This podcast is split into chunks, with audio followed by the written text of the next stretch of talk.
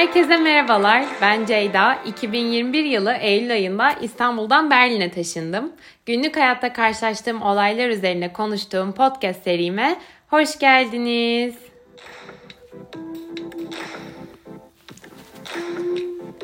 Tekrar merhaba herkese. Çok uzun bir vakit girdi araya biliyorum. Ee, sizlerden de özür diliyorum. Çünkü son bölüm bu son bölüm dememiştim aslında. Gerçi ben de bilmiyordum ya. Ee, biraz neden yoktum ortalarda, ee, neden bıraktım onları anlatayım istiyorum bu sezona başlamadan size. O yüzden konumuz hiç şaşırtıcı olmayan bir şekilde tembellik lüksü. Başlayalım bakalım açıklamaya. Neden aylarca bölüm koymadım? Şimdi e, ilk olarak zaten son bölümümüz depremdi e, hatırlıyorsanız. Şimdi deprem sanki böyle yıllar önceymiş gibi gelse de aslında geçen sene baya bir travma yarattı hepimizde. Şimdi tabii e, benim yani benim kutuzum kuru malum. Orada yaşamıyorum. Bana yıllar e, önce gibi geliyor olabilir. Ve böyle sanki eskide kalmış bir travma gibi bahsettim de hala e, bölgede insanların çok ciddi sıkıntılar yaşadığını ve onlar için sürecin bitmediğini de biliyorum.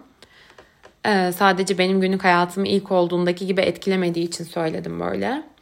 Çünkü depremin ilk olduğu zaman o süreç hepimiz için çok çok zordu. Aa, zaten sanıyorum hiçbirimizin içinden hiçbir şey yapmak gelmiyordu. E, ben de açıkçası ya bu deprem bölümünü yaptım ama sonrasında orada 10 küsür tane il yıkılmış, şehir hayatını bırak hayat kalmamış bazı yerlerde. E, sonra oturup burada şehir deneyimi karşılaştıran, e, Berlin anlatan bölümler yapamadım. Yani yapmak içimden gelmedi, anlamsız geldi bana. O yüzden biraz durayım dedim. Ee, sonra işte e, seçim zamanı geldi herhalde.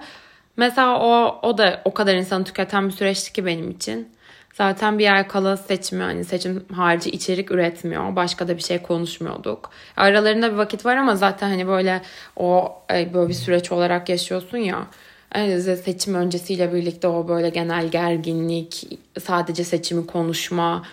Ee, ya aslında o da yani seneler önceymiş gibi geliyor ama e, o süreci bizim Berlin'de ya da işte yurt dışında nasıl yaşadığımız üzerinde de bir e, bölüm gelebilir sonrasında. Neyse yani anlayacağınız zaten böyle işte öncesinde de ailemde sağlık problemleri oldu biliyorsunuz. Ee, birazcık bahsetmiştim. Sonrasında ülke tabiri caizse cehenneme döndü derken ben de bıraktım işin ucunu diyebilirim. Ama tabii bırakmaya da bilirdim. Ee, birkaç hafta ara verebilirdim depremden sonra evet ama hadi olsun bir iki ay sonra hemen geri dönebilirdim aslında. Ee, bu kadar uzun ara vermek tabii ki benim seçimimdi. Aslında biraz da tembelliğim de. Ee, biraz bu tembellik üzerine konuşmak istedim sizinle. Çünkü bu tembellik diye adlandırdığım birazdan da e, detaylarıyla iyice açıklayacağım ruh hali ya da kafa yapısı aslında bir lüks tabii ki e, ve benim e, bulunduğum yerden bağımsız da değil. Şimdi e, tembellik derken neden bahsediyorum iyice açıklayayım e, bu arada ve öyle başlayalım. Çünkü aslında hani böyle tembel deyince herkesin aklına gelen o stereotiple kendime çok da haksızlık etmek istemiyorum. E, yani bir yandan evet hayatım boyunca biraz tembel oldum bu arada yani çünkü hep böyle şey kafasında bir insandım yani. Yaptığım her işi hızlıca bitireyim hallolsun. Nasıl minimum işle işin içinden çıkarım ya da işte minimum efor nasıl sarf ederim kafasıyla hep halletmeye çalışıyorum. Her şeyi kendim bildim bilelem. Hani mesela insanlar vardır ya işte her yaptığını bir adım öteye nasıl e, götürürüm. İşte en müthiş şey ortaya çıksın yapabildiğimin en iyi olduğu olsun diye bakar elindeki işe. Ve bence bu çok çok saygı duyulacak bir tutum. Ama ben e, öyle bir insan değilim. Hiç olamadım. Yani dediğim gibi kendi hakkımı da çok yemek istemiyorum. E, kötü ya da vasat yapmam çünkü e, elimdeki işi ya da görevimi. Ama gerçekten iyi bir noktada olduğunu düşündüğüm an e, iş benim için biter. O noktadan sonra harcadığım emek bir anda işte gözüme gelmeye başlar. Yapmak çok da istemem. Yani e, tembellik olarak adlandırdığım şey az çalışmak değil. Çünkü hani Gerçekten hep de çok çalıştım hayatım boyunca. Dediğim o iyi noktaya gelebilmek kolay değildi çünkü. İşte Türkiye'de çok iyi okullarda okudum. Evet tabii ki ailemin desteği vardı. O bakımdan çok şanslıydım. E, ama bu çalışmadım da demek değil. Yani gerçekten çalıştım. E, işte master'ımı tam burslu yaptım. Burada şimdi yine hem master yapıyorum hem çalışıyorum. Yani öyle dediğim gibi ilk gelen tipleme değilim tembel deyince akla. En azından ben öyle düşünmek istiyorum ya da düşünmek isterim. Yani herhalde öyle bir tipleme olsam zaten şu an böyle de o e, yani bu durumda olmazdım diye düşünüyorum. Neyse kendime yani bir yandan tembel deyip bir yandan dememek çok zorladı beni herhalde şu an. Ee, ama anlayacağınız yani Türkiye'de iyi şekillerde okumam gerekiyordu. En iyi okul olsun, en iyi üniversite olsun. Hep aslında çok çalışmam gerekiyordu. Ee, ve ben de çalıştım. Ee, ama iyi dereceye geldiğimde de bıraktım. Daha fazlası için ekstra zorlamadım. Ee, ya zaten o iyi dereceye gelmek için çok çalışmam gerekiyordu. Özellikle akademik anlamda. Ee, ama e, yani en iyisi ya çok iyi bir şey olduğuna emin olduktan sonra daha fazlasını çalışmak istemedim yani. Zaten hani öyle çünkü e, çalışmaya bayılan da bir insan değilim ama ben bilmiyorum. Tabii ki e, vardır bayılanlar ama çok insanın bayılmadığını tahmin ediyorum. Yani Türkiye'de ama bir şekilde öyle ya da böyle e, çok çalışıyordum. Buraya taşınınca da ilk zamanlar hemen değil ama böyle sonra yavaş yavaş bazı şeylerde zorlandıkça özellikle şöyle bir kafa yapısına iyice alışmaya başladım. Tamam o zaman e, yani zorlanıyorsam ben kendimi en iyisi çok da zorlamayayım. Aman kendime birazcık zaman tanıyayım. Aman zorlan zorlanmayayım. Strese girmeyeyim. Kendime biraz alan tanıyayım. Hep böyle düşünmeye başladım. E, bir yandan harika bir tutum bence. Çünkü cidden böyle mutlaka yapman gereken bir şey değilse işte ne bileyim patronun kesin yap dediği bir şey değilse ya da dersten kalmayacaksan, evini kaybetmeyeceksen falan yani o an yapılmazsa asla olmayacak şeyler haricinde çok da kendini bir şeyler için strese sokmuyorsun ya da işte sokmamayı öğreniyorsun. Ne kaybederim? Benim huzurumdan daha mı önemli falan diyorsun. Aa, yapmak istediğin ama e, işte yaparken seni strese sokan ya da sıkıştıran şeyler için. Mesela işte ne bileyim ben şu an çok iyi bir kariyer peşinde koşmuyorum. Neden koşayım? Her türlü paramı kazanıyorum. Bari kolay iş olsun diyorum. Ya da Aa işte kendimi çok hissetmediğimde e, tamam podcast'ı yüklemeyeyim diyebiliyorum. Çünkü bu ölüm kalım meselesi değil yani. Neden kendimi strese sokayım diye düşünebiliyorum. Şimdi belki iyi geliyor kulağa. Yani en azından bariz bir şekilde demek benim kulağıma çok iyi gelmiş zamanında. Ama e, tabii birazcık üstüne düşününce aslında diyorsun ki tamam kendimi strese sokmadım ama ya bak onca verdiğim emek e, bir iş var yani ortada. Tabii ki ölüm kalım meselesi değil ama hayatta sadece ölüm kalım meseleleriyle alakalı da değil zaten. Onca emek, burada oluşturduğum komünite, onlara olan sorumluluğum aslında bunların da bir anlamı var. Ve daha da önemlisi hani bu işi yapmanın bana verdiği tatmin, üretkenliğin verdiği mutluluk var yani ortada. Ve bunlardan da vazgeçiyorum ben. Ya tamam sadece üretince değerlisin diyen sistemin parçası olmak istemiyorum. Öyle bir şey söylemiyorum ama hiç üretmeyince de en azından kişisel olarak benim için bazı şeyler yarım kalıyor hayatta. Ve ben böyle bir şeyler yaptıkça, ürettikçe de üretkenleşiyorum. Yani kafam daha mı çok çalışmaya başlıyor yoksa o kafa yapısına mı giriyorum? Yani neden bilmiyorum ama bir şeye odaklanıp çalışınca hayatımın diğer alanlarında da daha aktif olmaya başlıyorum. Bu arada bu tembellik kafa yapısı konusunda sadece podcast'ten örnek verdim. Hani çünkü önemli olan benim hayatımda olan kişisel e, işte örneklerden ziyade neden ve niye böyle e, düşünüyor ya da işte böyle bir tutum takınıyor olmam. Ama aslında dediğim gibi hayatımın farklı alanlarında da böyle davranıyorum. Tutumum böyle yani bir süredir. Son zamanlarda da üstüne iyice düşünmeye başladım. Nereye kadar kendime zaman tanıyacağım, kendi üstüme gitmeyeceğim diye. Ve acaba bu işi ben abarttım mı diye düşünmeye başladım. Yani çünkü belki de en çok kendimi zorlamam gereken yaşlardayım. Tamam belki hani e, tembelliğe yatkın bir karakterim var. Ama daha öncesinde böyle bir tutumum bu boyutlarda yoktu hiç. Yani dediğim gibi bir şey iyi olmasına yetecek kadar yapardım. Belki kendimi zorlayabildiğim son noktaya kadar zorlamazdım ama zorlardım. Yani işte podcast örneğinden e, vereceksek örnek. Hani iki hafta belki ara verirdim. E, zaten böyle dönemlerim de oldu. Ya da işte daha kısa bir bölüm yüklerdim. Daha e, içime o kadar sinmeyen bir bölüm yüklerdim ama yüklemeye devam ederdim. Bir anda böyle e, bırakma noktasına e, gelmezdim yani. Şimdi dediğim gibi bırakma noktasına çok daha kolay gelebiliyorum. Bazen e, yani bu öyle bir boyutta hissediyorum ki diyorum ki herhalde içimde çok bir hırs kalmadı benim. Yani ilk olarak tabii burada bu tutumu gösterme lüksüm var aslında. Aslında göçmenim hala öğrenciyim, işe ihtiyacım var, çalışma vizesi, işte sonra belki vatandaşlık vesaire falan hani e, ilerlemem, geçmem gereken süreçler de var yani. Öyle e, o kadar da tuzum kuru değil tahmin edersiniz ki. Ama işte sonuç olarak ben de Türkiye'de doğdum, büyüdüm. Hani orada da çok çalıştım. E, benim şu anki tembelliğim de iş konusunda mesela e, en azından buradakilerden daha az tembel bence diye düşünüyorum. Ya da bu tembellikle de e, bir şekilde yolumu buluyorum. E, çünkü sonuç olarak bir şekilde çalışmaya alışmışız yani. Tamamen her şeyi bırakmıyorum. Tembellik dediğim o değil yani. Yani bir şekilde içimde iyi gidiyorum. Kendim öyle büyük bir riskte görmüyorum. Ama işte burada olay risk değil ya. Sadece hani çünkü o ölüm kalım ya da çok önemli meselelerden bahsetmiyordum zaten söylediğim gibi. Hani bu e, işte de mesela kendimi gösterme, kanıtlama, çok iyi iş yapma, en iyisi olma gibi hırslarım yok. Böyle isteklerim yok. Ya da işte iş harcı bir şey hoşuma gitmeyince tamam yapmak zorunda değilim diyebiliyorum. Bunun sebebi de işte o belki Türkiye'deki tabiri caizse hayatta kalma kafa yapısını birazcık geride bırakmış olmam diye düşünüyorum. Yani yani tam olarak nasıl anlatabilirim bilmiyorum ama şey örneğini verebilirim herhalde. Ee, şehirlerde yaşarken herkesin hep bir acelesi vardır ya. Hayat hızlı akar çünkü hani hep yetişmen gerekir her şeye. Sen her durduğunda kaçırdığın bir şeyler vardır. O yüzden belki de hani büyük şehirlerde yayalar kırmızı ışıkta her zaman beklemez. Araba gelmiyorsa atlar yola.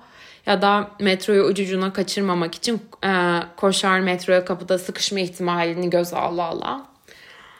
Hatta şöyle bir şey anlatayım. Bir kere kardeşim Berlin'deyken e, beni ziyarete geldi. E, aynı böyle ben metroya koşuyorum. Ve böyle bitmişim yani koşmaktan. Kapıya da biri sıkışmış hatta. E, Sena kardeşim yani bana şey dedi. Ya ne bu acele?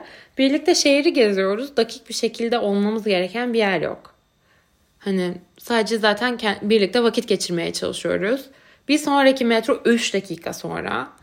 Ya şu yani karşıdaki kadın canını tehlikeye atmış resmen. Çünkü sıkışmış kapıya çıkamıyor. insanlar onu kurtarmaya çalışıyor falan. Sonra böyle bana o an bir aydınlanma geldi ve dedim ki ya gerçekten ben neden her seferinde koşuyorum bu metroya? 3 dakikaya ve hani kendim gezeceğim ya da arkadaşlarımla buluşacağım. 3 dakika nasıl bir fark yaratabilir ki aslında? Ama işte olay o 3 dakikayı hesaplamak değil de e, çünkü böyle düşününce bilmiyorum yani işe yetişmeyeceksen herhalde kimse bir anda metroya koşmazdı. Ama olay dediğim gibi o 3 dakikayı hesaplamak değil böyle o şehirde yaşamın getirdiği hızlı akan hayata e, ayak uydurmaya çalışma, o kafa yapısı. Yani hayat hızlı akıyor ve sen sürekli koşmaya alışmışsın. Yani aksini düşünmüyorsun. Yani ben de hemen metroyu görüyorum ve koşuyorum. Yani bu aksi ihtimal koşmama hani ekstra zaman bekleme aklıma bile gelmemiş yani.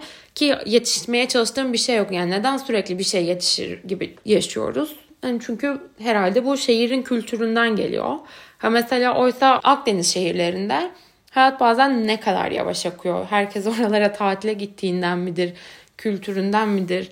Yani ve ama sen de oraya gidince o akışa öyle ya da böyle alışıyorsun.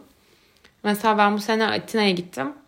Yani bir kahve istiyorsun. Gerçekten 20 dakikada hazırlayıp getiriyorlar. Yani ilk böyle bir sinirim hopladı dürüst olacağım ne oluyoruz falan diye. Ama sonra e çünkü e, ben zaten kafede oturacağım dakika 20 dakika yani içeceğim kalkacağım. Ama sonra o kadar hoşuma gitti ki zaten ben dünden razı biliyorsunuz rahat yaşamaya. Ben de bir şekilde o tempoya alıştım yani.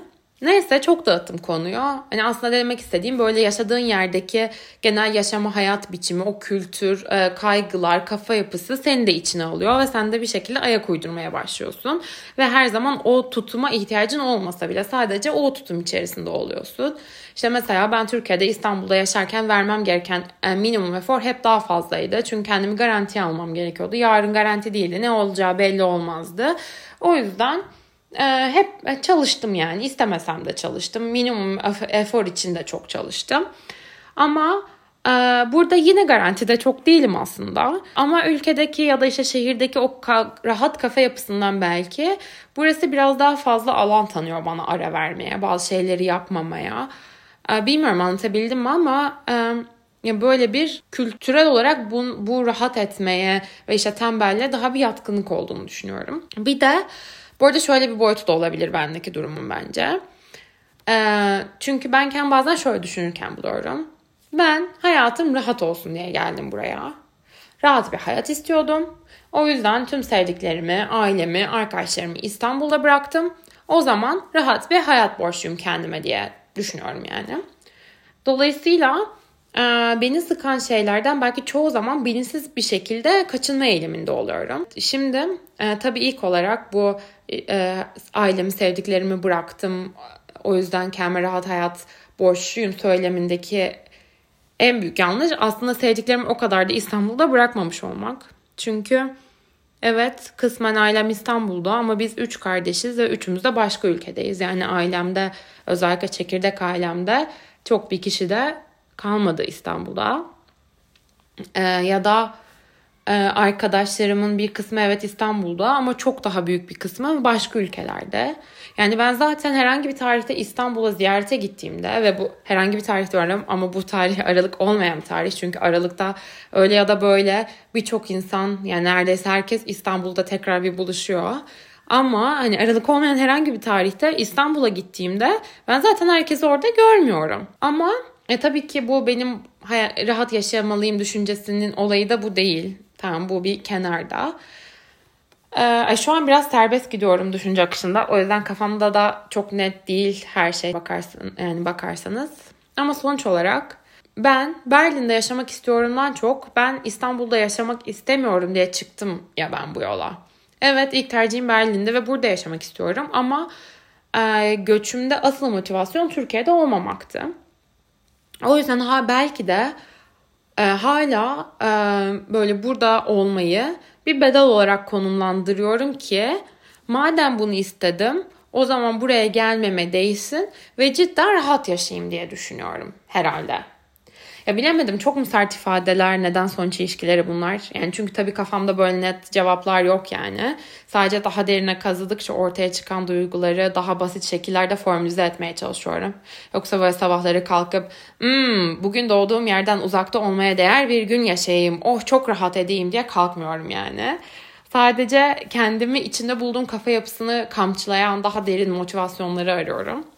Ee, ama cidden belki de rahat hayat motivasyonunu içimde biraz e, bu böyle büyütmüş olabilirim yani. Buraya da geldiğime değsin e, düşüncesiyle. Yani aslında özetle Berlin olmak bir şekilde belki burada insanlar daha savaşmak zorunda diye belki ben rahat olmak istediğim için e, buraya geldim diye. E, ama öyle ya da böyle bana tembel olma hakkı tanıdı.